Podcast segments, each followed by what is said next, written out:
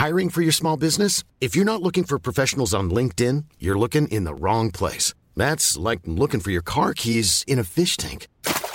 LinkedIn helps you hire professionals you can't find anywhere else, even those who aren't actively searching for a new job but might be open to the perfect role. In a given month, over 70% of LinkedIn users don't even visit other leading job sites. So start looking in the right place. With LinkedIn, you can hire professionals like a professional. Post your free job on linkedin.com slash people today. Small details are big surfaces. Tight corners are odd shapes. Flat, rounded, textured, or tall. Whatever your next project, there's a spray paint pattern that's just right. Because Rust new Custom Spray 5 in 1 gives you control with five different spray patterns. So you can tackle nooks, crannies, edges, and curves without worrying about drips, runs, uneven coverage, or anything else. Custom Spray 5 in 1. Only from Rust Planning for your next trip? Elevate your travel style with Quince. Quince has all the jet setting essentials you'll want for your next getaway, like European linen, premium luggage options, buttery soft Italian leather bags, and so much more. And it's all priced at 50 to 80% less than similar brands. Plus, Quince only works with factories that use safe and ethical manufacturing practices. Pack your bags with high-quality essentials you'll be wearing for vacations to come with Quince. Go to quince.com slash trip for free shipping and 365-day returns. Hey, it's Ryan Reynolds, and I'm here with Keith, co-star of my upcoming film, If, only in theaters May 17th. Do you want to tell people the big news? All right, I'll do it. Sign up now and you'll get unlimited for $15 a month in six months of Paramount Plus Essential Plan on us. Mintmobile.com slash switch. Upfront payment of $45 equivalent to $15 per month. Unlimited over 40 gigabytes per month. Face lower speeds. Videos at 480p. Active Mint customers by 531.24 get six months of Paramount Plus Essential Plan. Auto renews after six months. Offer ends May 31st, 2024. Separate Paramount Plus registration required. Terms and conditions apply if rated PG. I'm amazed how many people own stocks. They, they would not be able to tell you why they own it. They couldn't say in a minute or less why they own it. Actually, you really press them down, they'd say, the reason I own this is the sucker's going up. There's enough cash in the financial system, and there is an infinite amount of cash at the Federal Reserve, an infinite amount put of cash. that check in a money market mutual fund. Then we'll reinvest the earnings into foreign currency accounts with compounding interest, and it's gone. So they had to do something. All they had left was just to print money and start buying things. And that's what they did. Quick buck artists come and go with every bull market, but the steady players make it through the bear market. They say money can't buy happiness. Look at the fucking smile on my face. Hej och välkommen till ett nytt avsnitt av Market Makers och det lackas jul, säger man så? Vi är inne i adventstider och vi spelar in på Lucia den 13 december för de som inte vet när det är. Och, men det här släpps dock den 14 december och den 15 december så ska vi spela in igen nästa veckas avsnitt. Vad ska vi göra för avsnitt då egentligen? Jo, vi ska ju snacka om den här aktiepumppodden. eh, nej, förlåt, aktie... Ah.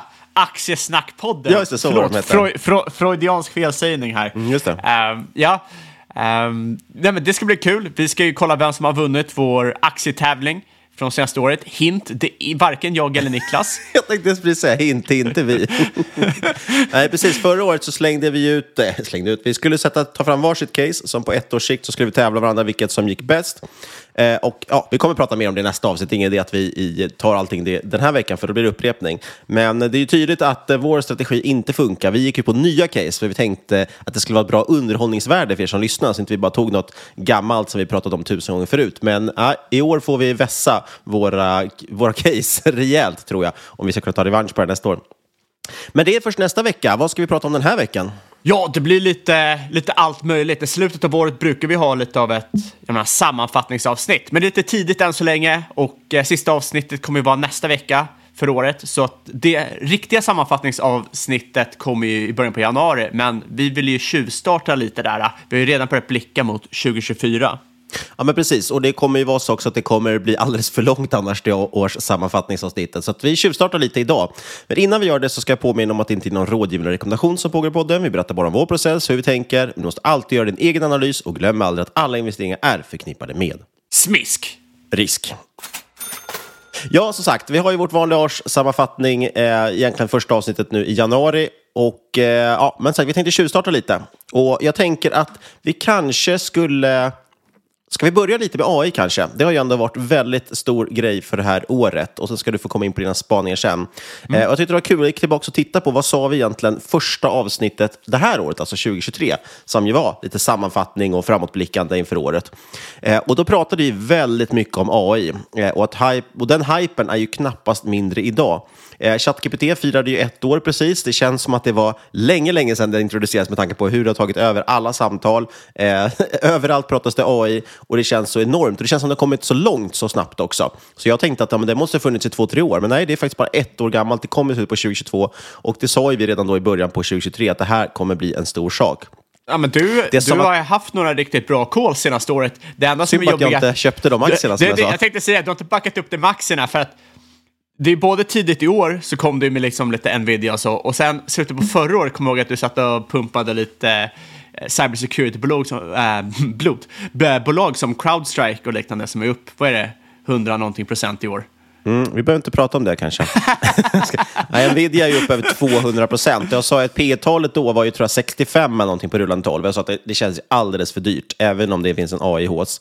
Eh, nu är det P talet 60, trots att den är upp över 200 procent. Så att bolaget har gått fantastiskt bra, aktien har också gått fantastiskt bra eh, och den ligger kvar på till och med lite, lite lägre värdering faktiskt idag, vilket ju är rätt otroligt.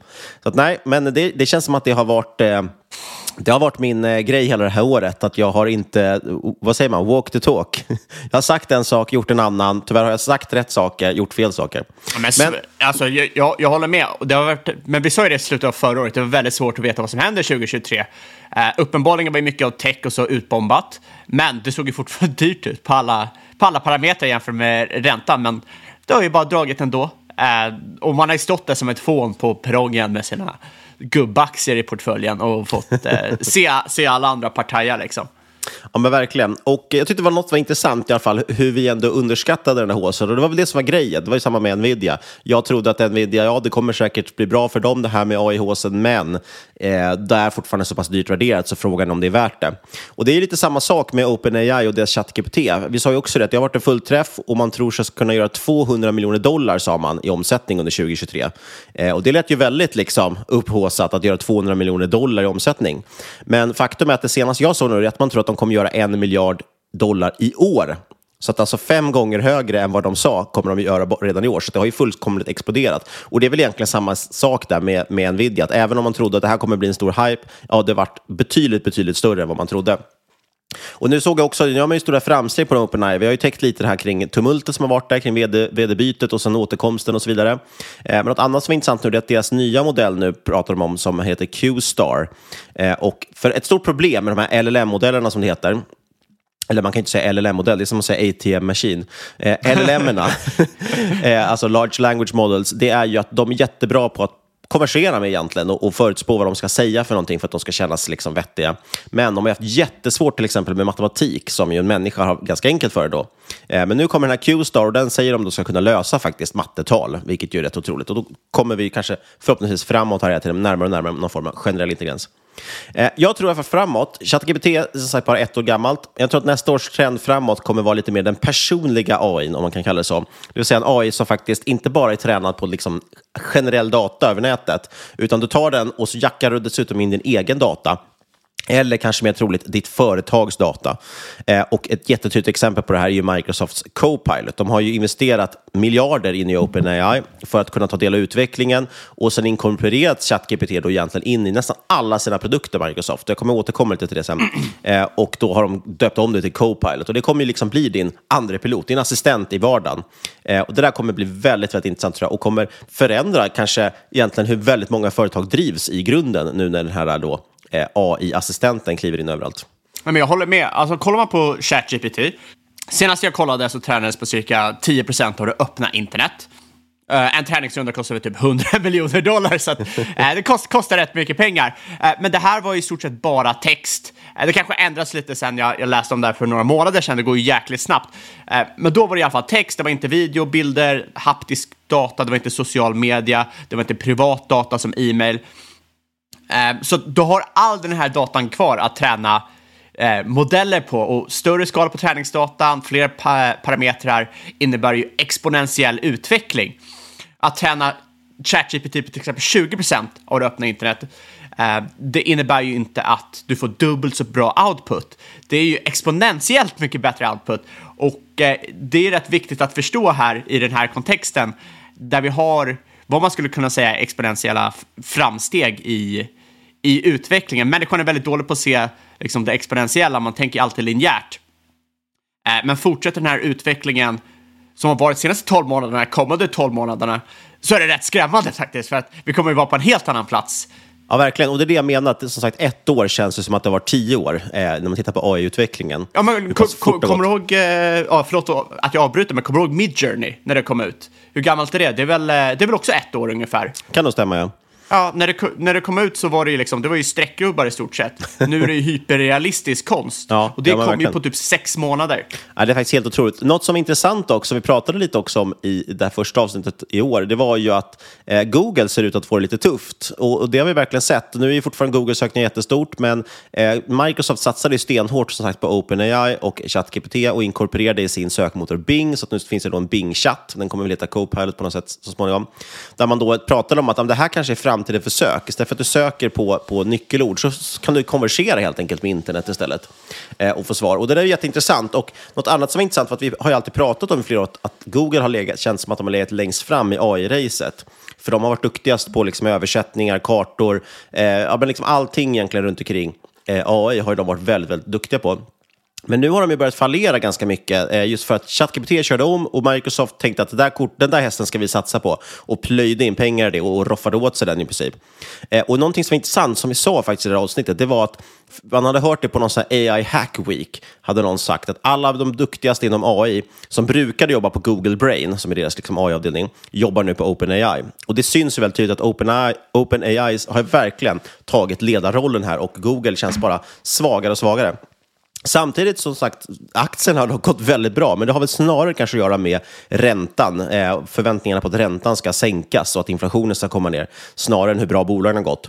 Vi ser det jättetydligt att det är ungefär samma utveckling på bolagen. Netflix är upp 45% Google upp 45% Microsoft lite starkare med 50 plus för året, Amazon 60 Eh, Google eh, har dock bara växt ja, drygt 10 procent i år. Och något som var väldigt intressant var, det var en tidigare rapport, det var inte senaste, men i början på året, deras första rapport för året, eh, så sa de att de hade kostnader kopplade till att minska arbetsstyrkan och kontorsyta på över en miljard dollar. Det är ändå ganska sjukt att det ska kosta så mycket pengar att, att bli av med folk och eh, kontorsyta.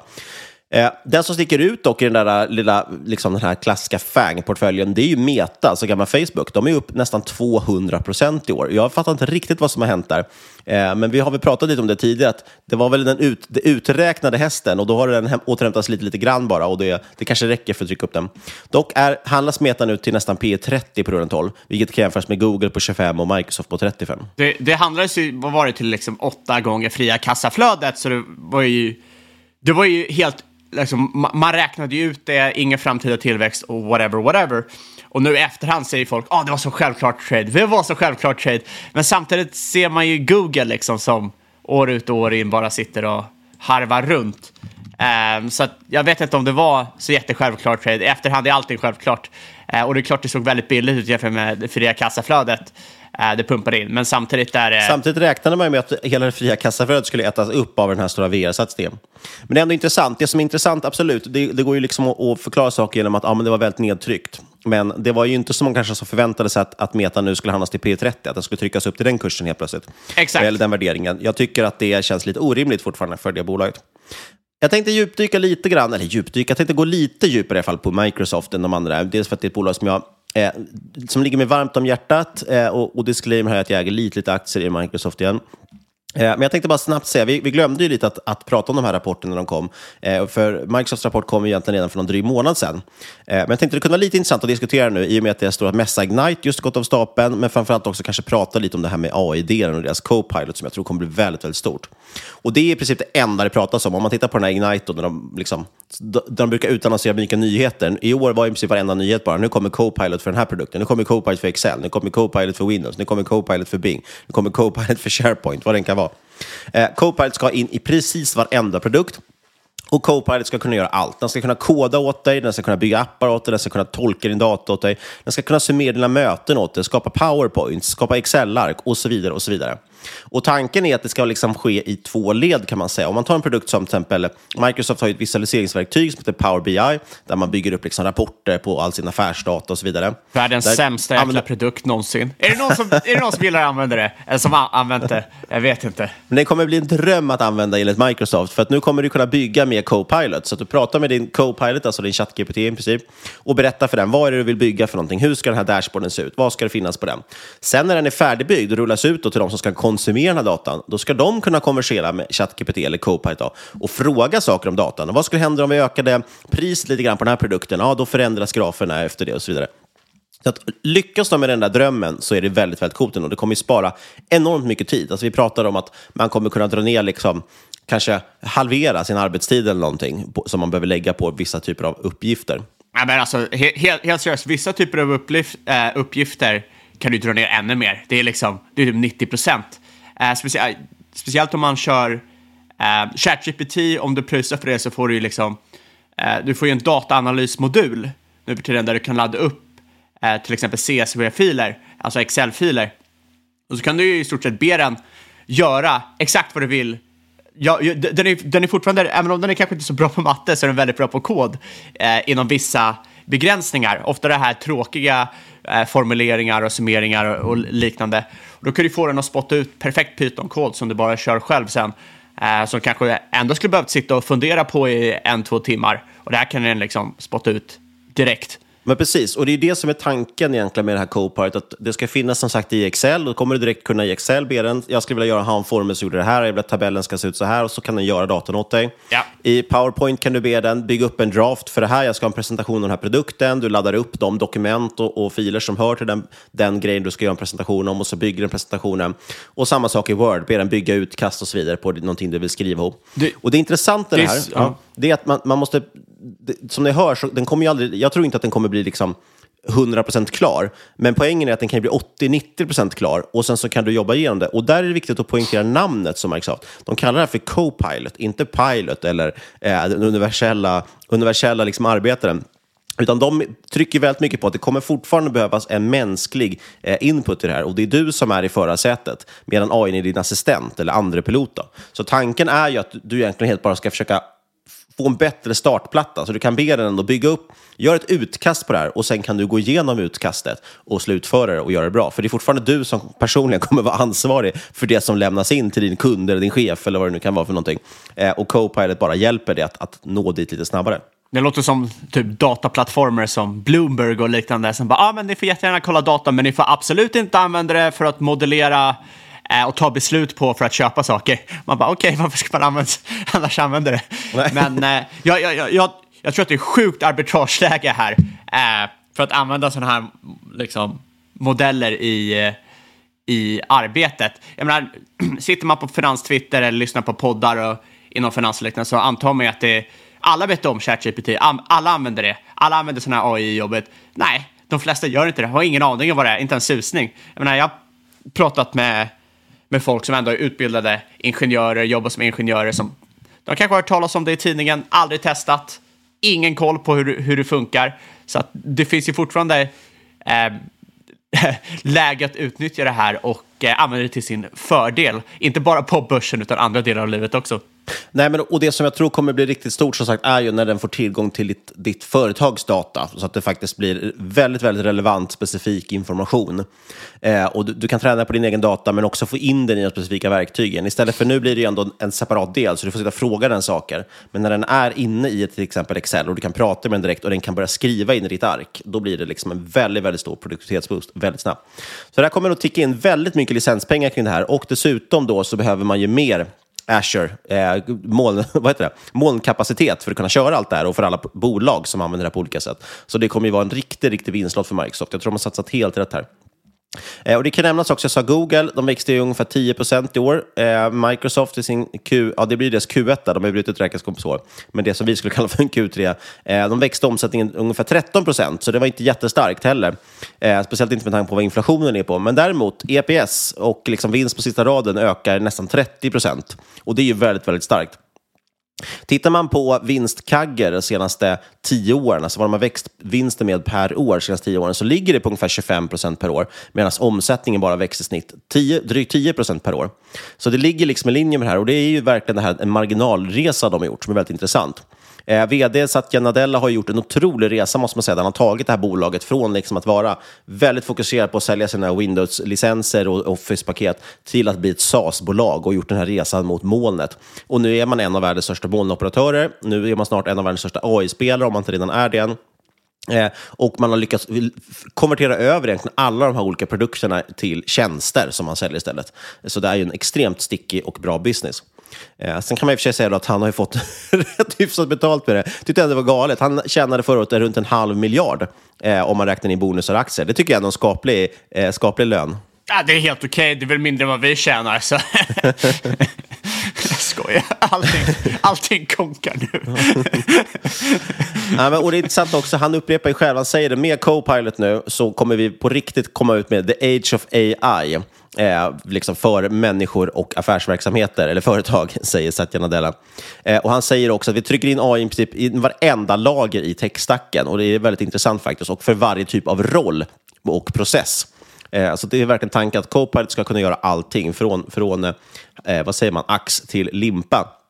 Bryter man ner bolagets olika affärsben lite grann, tittar på tillväxten i de olika delarna, så kan man säga att Office för företag ökar runt 15 procent. Det inkluderar ju liksom hela de här då, Office 365-licenserna.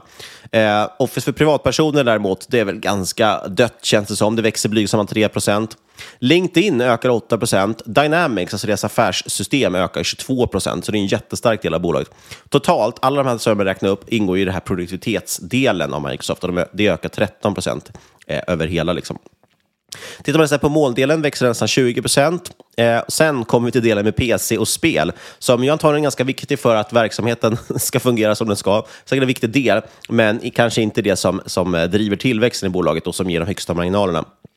Eh, men här har man faktiskt sämst marginaler, sämst tillväxt. 3% tillväxt för hela benet. Bryter man ner det ser man att Xbox växer med 13% Det är väl den enda delen som är hyfsat bra. Eh, där tror jag att Game Pass ingår också. Och det är väl en viktig del att man, liksom, samma sak där, tjänstifierar spelande.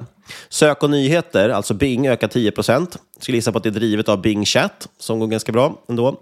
Windows ökar bara 5% och sen har vi fysiska enheter. Och där är de här Surface-datorerna och de har väl plattor och olika typer av tillbehör. Det minskar faktiskt hela 22 Det är den enda delen på Microsoft som tydligt backar. Eh, och det kan jag tänka mig dock är till viss del medvetet kanske. Men så det är ändå intressant. Eh, jag tycker att Microsoft är fortfarande en ganska hög prislapp på det här, men det är intressant det här med den här marginalresan. Men jag tror kanske, hur mycket högre marginal kan man verkligen få? Tittar man på, tillbaks på ungefär när Satya tillträdde som vd, då låg man på drygt 10% i vinstmarginal och från det har man ökat till dagens 35% Så det är en otrolig marginalresa. Men jag tvekar på att man kommer nå någon form av evolution-marginaler eh, på det här. Det är fortfarande tjänster och tjänsterna kräver datakraft, vilket kostar pengar. Eh, jag tror att någonstans här borde man toppa marginalen. Den borde ligga kring, i bästa fall kanske upp mot 40 procent, men jag skulle säga runt 30 till 40 procent. Och de här AI-delarna är inte heller gratis. De kan kosta väldigt mycket pengar eh, att köra. Så att jag vet inte, jag är lite tveksam till att marginalresan ska fortsätta. Prislappen kanske är lite hög, men det är fortfarande ett otroligt intressant bolag och jag tycker ändå att det är intressant. Jag kommer hålla mina aktier ett tag under 2024 också, just för att jag tycker det ska bli väldigt intressant att se hur det här med Copilot och den här AI-resan eh, spelar ut och syns i resultaträkningen hos Microsoft. Du och alla hedgefonder som sitter och äger Mag7 alltså. Det andra... Hand i hand! Hand i hand med fienden! Jajamän, och det man kan tillägga också som sagt, Microsoft har drivits jättemycket av eh, eh, potentiella räntesänkningar. Så det är också en stor del av, av det här. Ja, men från Microsoft till eh, marknaden som helhet. Ja, för jag sa ju det med räntesänkningar. Hur kommer egentligen marknaden må nästa år? Har vi en recession på, på himlen eller? Vem vet, vem vet. Marknaden är ju sjukt bipolär just nu. Eh, på vissa hörn ser det katastrof ut, på vissa hörn ser det fantastiskt ut. Jag menar, eh, min portfölj har ju fått känna, liksom oljan kollapsar ju nu, du ser guldet pumpa, du ser taskiga makrosiffror för till exempel produktion och arbetsmarknaden och så. Eller de är svaga i alla fall. Men samtidigt så ser man också att BNP eh, i många länder pumpar. Eh, Nasdaq är tillbaka på 2021-nivåer och det var eufori och det var nollränta och inflation på 7% och så vidare. Eh, Men där, där, får man säga att Nasdaq har man ju sett Gång efter gång har vi ju pratat om det i podden, att det är ju i princip ett rent ränteplay. Du kan ju sätta det mot, mot räntekurvan så går det i princip rak, rakt av. Samma. Exakt, exakt. Men det liksom drar lite. Och varför ska räntorna ner? Jo, räntorna ska ner för dels för att inflationen backar, men det inte så många pratar om är att det ska också, räntorna ska också ner för att ekonomin håller på att kollapsa. Absolut, absolut, absolut. Eh, men jag, jag, tycker att det finns många anledningar här att vara bearish nu. Eh, det känns väldigt korrekt och smart att vara bearish, eh, men jag går in i 2024 rätt optimistisk. Eh, som sagt, makrodatan är inte fantastisk, inte heller horribel. Eh, då kommer vi säkert se den förs, eh, försämras. Eh, oljan fortsätter vara svag, eh, tillväxt avta. Ehm, som sagt, recession kan säkert slå in, men jag tror inte det kommer vara katastrofalt. Framförallt kommer det inte vara katastrofalt för börsen som helhet, eftersom många sektorer redan är prissatta för, för recession. Eh, och sen är det ju faktiskt så att det är ju flera länder i, här i världen som eh, det känns inte som de kommer eh, gå in i recession alls. De går ju så otroligt starkt just nu. Eh, för kikar man bortom västvärldens gränser ser man att det går väldigt bra i många emerging markets. Och det tycker jag är väldigt, väldigt otippat med tanke på vad som hänt senaste, senaste året, senaste två åren. Men kolla till exempel Indien, Mexiko, eh, Turkiet. Det är liksom det är roaring bull market. De outperformar i, i dollartermer. Och vad, vad händer egentligen här? Jo, det är, det är handeln i emerging markets pumpar. Det är bara flödar med pengar. Eh, hela korridoren från Turkiet till Indonesien i Uh, Eurasia som det heter. Heter det uh, Euroasien på svenska? Vad säger man? Bra fråga faktiskt. Jag vet inte. Eurasien kanske? Eurasien. Ja, jag försökte översätta det i mitt huvud, men det gick inte så bra. Uh, men det här är i alla fall liksom 3,6-3,7 miljarder människor som just nu upplever att snittinkomster växer 5% om året. Eh, befolkningen växer med cirka 1% om året. Eh, och framförallt så bygger man ut infrastruktur som satan. Och det här har uppkommit väldigt, väldigt snabbt, så det är faktiskt inte på så mångas, eh, så mångas karta. Så medan det är så här, medan USA och Europa pratar om deglobalisation och nearshoring eller att man flyttar produktion från Kina till vänligare vän, äh, länder som Vietnam så gör ju Kina precis tvärtom. Det är ingen nearshoring där inte. Eh, Kina har faktiskt tripplat sitt handelsöverskott på bara några år. Och hur har de gjort det? Jo, när vi har dragit oss undan så har det öppnat upp för nya marknader eh, för Kina att exportera till. Kinas export till Sydostasien är nu eh, 120 procent av vad det är till USA. För sex år sedan var det 60 procent. Så det har ju liksom dubblerats. Ehm, och framförallt rör det sig om att eh, man rör sig längre upp i värdekedjan. Man satsar på att exportera produkter med högre kvalitet, men med aggressiv eh, prissättning. Och det här är ju till exempel hur Kina har blivit, ehm, på endast fem år, den största bilexportören i världen. Det syns ju på svenska gator inte minst, eller åtminstone på showrooms i Stockholm i alla fall. Jag vet inte hur många som köper bilarna. Jag tror inte det är så många, för att de satsar inte så mycket på USA och Europa. Kanske lite med elektriska bilar. Ja, men det är det man ser. Brittiska MG har väl köpts upp av något kinesiskt märke och sen är det de Xpeng och det är BYD. Bussarna här i Linköping till exempel ser jag kör ju BYD till men, exempel. Framförallt i alla andra länder. Så, så det, ja, elbilar här i väst, men alla andra lä länder är det ju liksom ICE-bilar. Det är gamla hedliga eh, bensinbilar som säljs. Och det är i Sydostasien, det är Mellanöstern, det är Latinamerika. Men det är inte bara bilar de satsar på, de satsar ju på allting till de här länderna. Eh, och traktorer och telekom och turbiner. Det som är intressant här, det är ju när man kollar på Kina, och vi har om, eller tagit upp det här förut, att ja, Kina har en stor fastighetskris, Kina kommer att implodera. Och det nämns överallt i tidningar och så. Men trots det så Kina lyckas ju alltid hålla sig över ytan. Eh, trots den här fastighetskrisen, vilket är raka motsatsen till vad man skulle kunna tro. Och en anledning är ju utan tvekan den här stora exportboomen.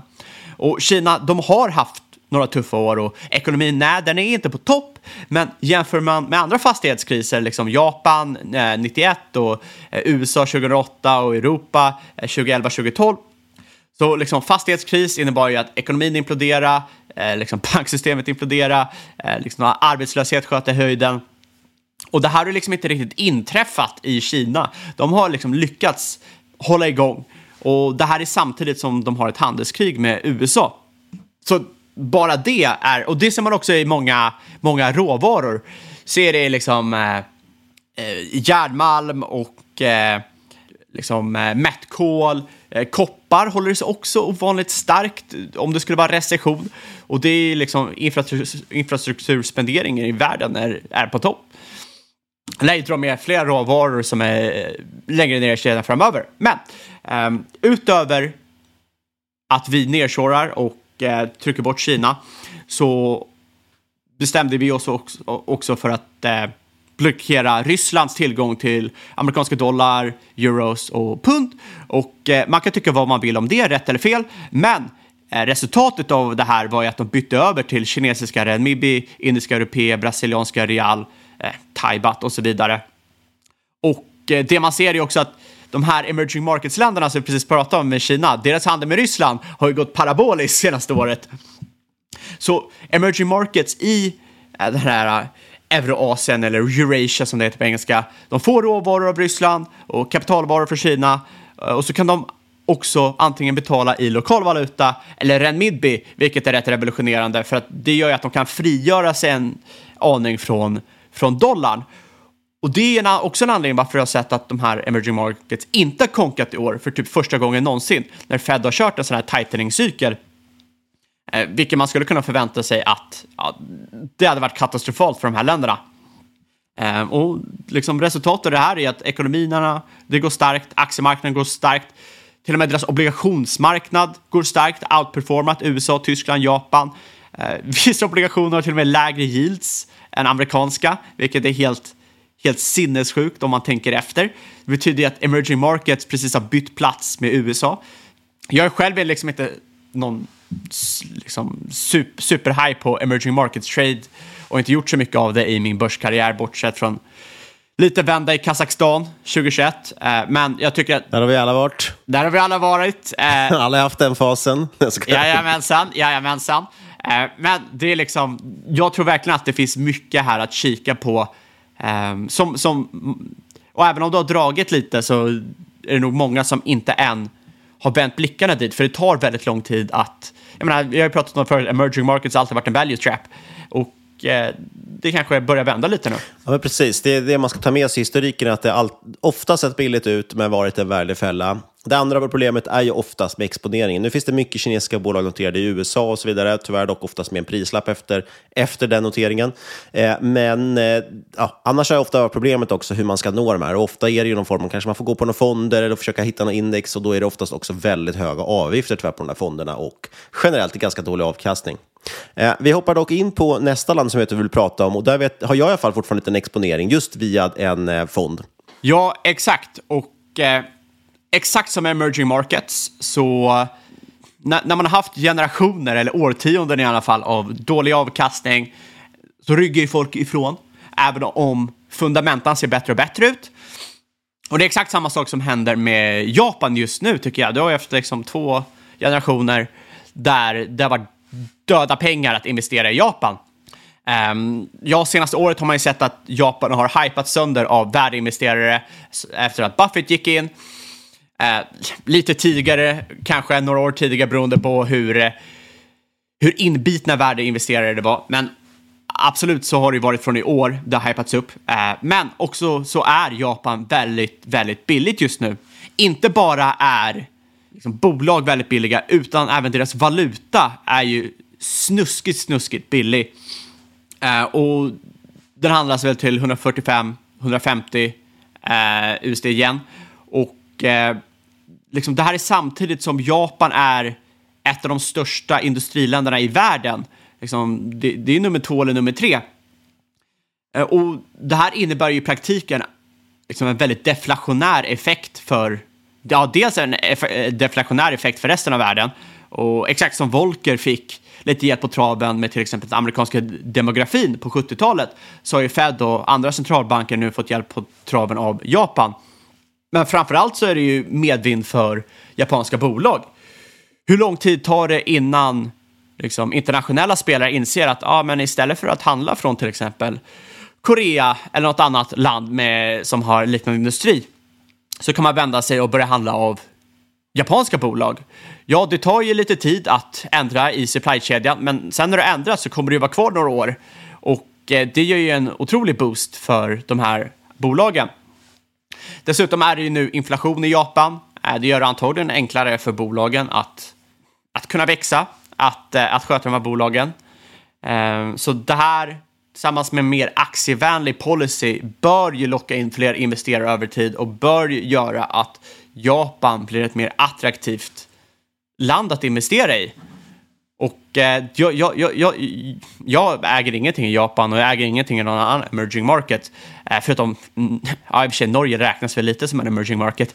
Men... Eh, Det är kanske inte det man tänker på när man pratar eh, emerging markets riktigt. ja, men lite så här, eh, de har mycket olja som har blivit rika men blivit övertagen av kommunister. I stort sett. Eh, men, ja, ett dåligt skämt, jag vet inte. Men klipp inte bort det. Jag vill ha mitt sagt. Eh, I alla fall, jag tycker Japan eh, ser intressant ut. Det är också någonting som jag eh, gräver i och ser fram emot att sitta och pumpa lite case inför 2024. Det kommer nog bli mycket internationella case nästa år. Och då menar jag inte USA utan, och Kanada, utan eh, resten av världen. Pratar om eh, Japan i avsnitt 292 kan jag nämna. Då pratar vi dels lite Nintendo tror jag, men också eh, specifikt just några Japan-fonder, vilka som kan vara intressanta att eh, kika på. Yes, yes. Och sagt, jag vet inte om man behöver göra en disclaimer på om man äger en fond, men jag äger en Japan-fond. Ja, det beror på om du får kickbacks fortfarande eller inte. Nej, det har jag aldrig fått från någon Japan-fond. Ingen fond överhuvudtaget tyvärr. Hör du, USA då, vill du prata också om? Trots att du sa att vi inte kommer pumpa amerikanska case. Ja, det är sant. Eh, det här, nu kommer liksom Fabian, eh, makro och geopolitisk spekulerare fram här. Eh, mitt största fritidsintresse. Och ni tänker Fabian, varför lägger du inte bara tiden på att analysera fler aktier så du faktiskt tjänar lite pengar? Och då säger jag, helt korrekt, det borde jag göra. Men livet är inte så lätt. För det här är ju, liksom 2024 kommer vara ett av de mest spännande åren på länge för, för börsen. För det är ju val i USA och det kommer alltid påverka eh, börsen och eh, världen.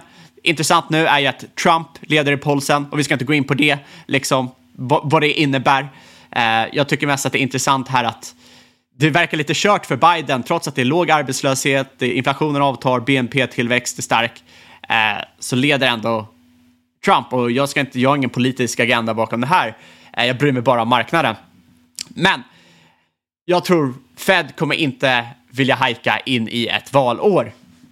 Eh, och marknaden tror inte det heller. Första sänkningen kommer i maj och jag har ingen aning när sänkningen kommer. Jag har ingen bättre gissning än vad marknaden har, men jag tror att det kommer sänkas oavsett vart KPI, KPI printar.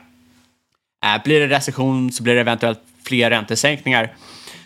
Um, och jag vet nu, nu, nu kommer de säga, ja men när räntesänkningar kommer, fan då, då faller ju börsen. Då går börsen ner, har du inte sett historisk data? Det kan mycket väl inträffa, vad vet jag. Men eh, hade det varit så enkelt, så enkelt, så hade ju liksom alla frontrunnat det. Jag, jag tror räntesänkningar, fortsatt pengatryck, stimulanser, sekulär inflation. Eh, oavsett vad så är det hög sannolikhet, tror jag, att dollarn går ner. Jag är ingen valutaspekulerare, men liksom är det recession så lär ju dollarn gå ner. Om det kommer sänka oavsett så lär ju dollarn gå ner. Jag vet inte. Jag vet inte vad du tycker om det, Niklas, eller om det är helt... Om jag bara är ute på hal is eller tunn is nu. Ja, någon form av recession kommer det ju bli. Den syns ganska tydligt. Om inte annat, i, åtminstone i Europa i alla fall. Då. Eh, väldigt tydligt. Och i USA tror jag också känns som att det kommer ganska svagt. Och eh, ja, samtidigt ser man också tydligt att man måste sänka räntorna. Så vi kommer väl få någon form av... Jag tror att det kommer bli ganska klassiskt ändå. Du börjar få, få sämre arbete, liksom. Mer, du får en recession, eh, du börjar sänka räntorna och då till slut vänder marknaden och så blir det positivt igen. Jag tror inte att det är så mycket svårare än så. Jag är också ganska bullish inför 2024 faktiskt. Eh, precis som du sa att det var. Det, Eh, Exakt, det är det, det, det jag menar. Det kan mycket väl bli en recession. Men fan bryr sig, marknaden kommer inte vända ner tror jag. Eh, Nej, jag, jag tror att recessionen är just nu och kommer fortsätta ett litet tag till. Och sen kanske, låt säga om man behöver sätta tidsstämpel på det, ja, låt säga att det kanske är runt eh, sommaren någon gång, då börjar de här räntesänkningarna liksom synas och märkas av. Eh, och det gör att då tar det lite fart till hösten igen. Vilket gör då att, och då får du tänka på att börsen brukar ju titta framåt kanske sex månader och det är det den gör nu. Nu tror ju börsen att räntesänkningen kommer komma tidigare kanske. Eh, men jag tror att det kan, eh, räntesänkningen kan ju komma, men det kommer inte börja synas i ekonomin förrän liksom efter, efter första halvåret någon gång.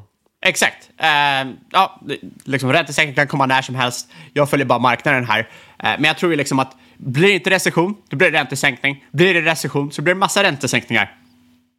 Så att, eh, jag vet inte. I USA, liksom, Fed hanterar policy för aktiemarknaden. Det spelar ingen roll liksom, vad, vad någon tycker här. För, jag menar, så är det. Alla äger aktier i USA och till skillnad mot många andra länder och obligationer som gäller och valutan och grejer.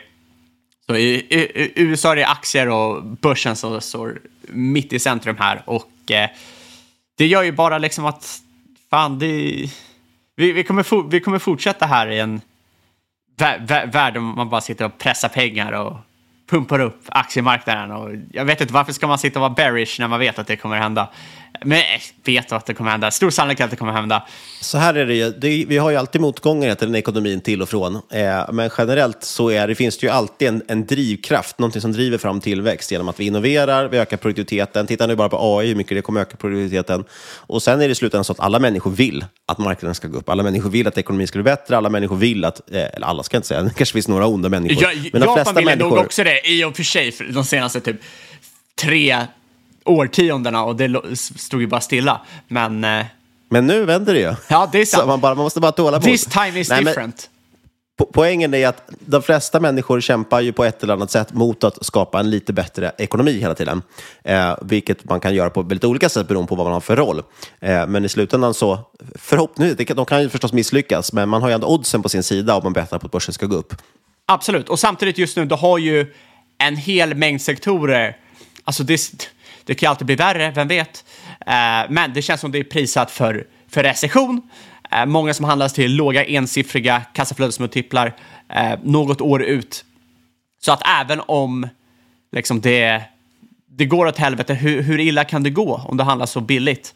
Ja, visst, om du köper jättedyra bolag så har du ju alltid nedsiderisken.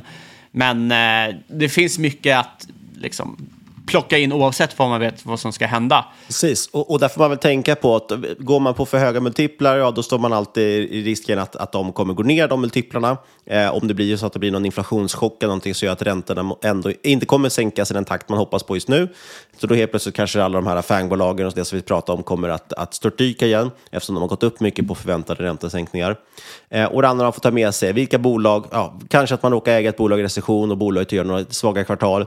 Men är bolaget skuldfritt eller åtminstone schysst balansräkning, då kommer, det, då kommer det överleva den recessionen, liksom kommer bättre på andra sidan. Så det handlar väl återigen om att eh, man, måste, man måste tänka igenom vad för typ av bolag man äger och hur pass nära de är en nyemission egentligen. Ja, eller så tänker jag att fan, de här är ju jättehögt skuldsatta, men det är rörlig ränta och så ska yieldsen ner. Ja, det är ju skitbra för bolaget. Så kan man också tänka. Att- men då, så- då kan du få den recessionsrisken helt plötsligt materialiseras. Att bolaget helt plötsligt inte längre har tillräckligt för att täcka sina räntor och, och helt plötsligt måste du göra en ny emission. Och då är du utspädd. Då sitter du med Viaplay helt Ja, plötsligt i men händerna. det, det, det, det borde du...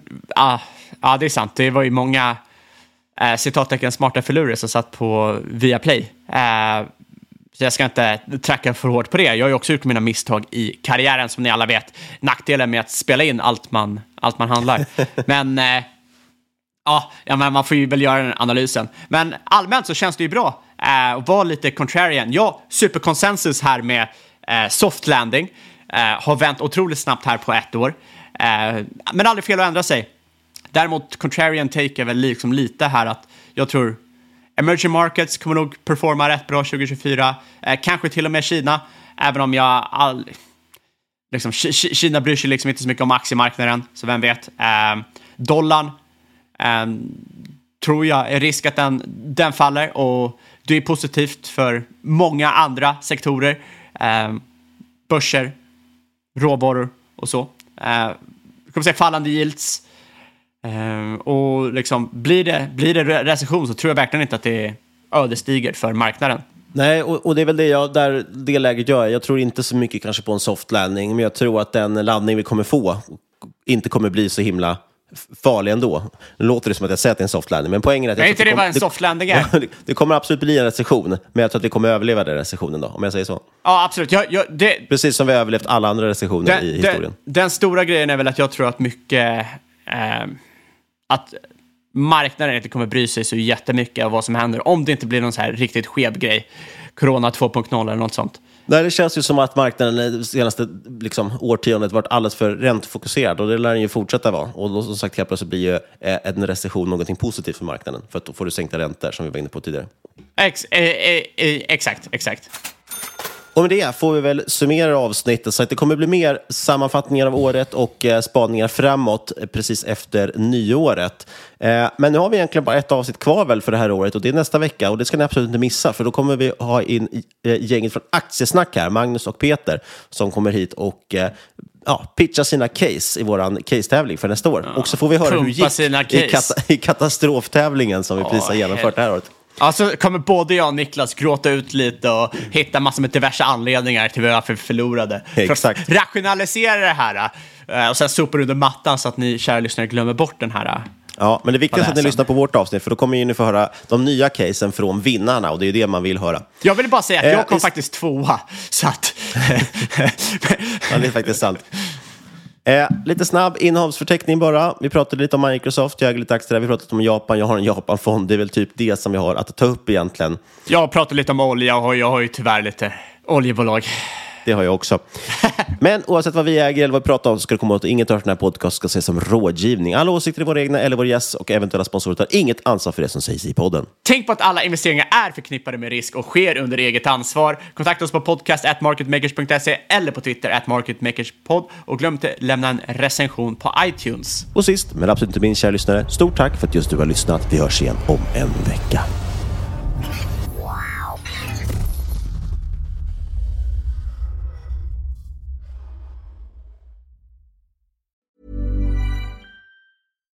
Deserves the best, and there's no better place to shop for Mother's Day than Whole Foods Market. They're your destination for unbeatable savings, from premium gifts to show-stopping flowers and irresistible desserts. Start by saving 33% with Prime on all body care and candles. Then get a 15-stem bunch of tulips for just $9.99 each with Prime. Round out Mom's menu with festive rosé, irresistible berry chantilly cake, and more special treats. Come celebrate Mother's Day at Whole Foods Market.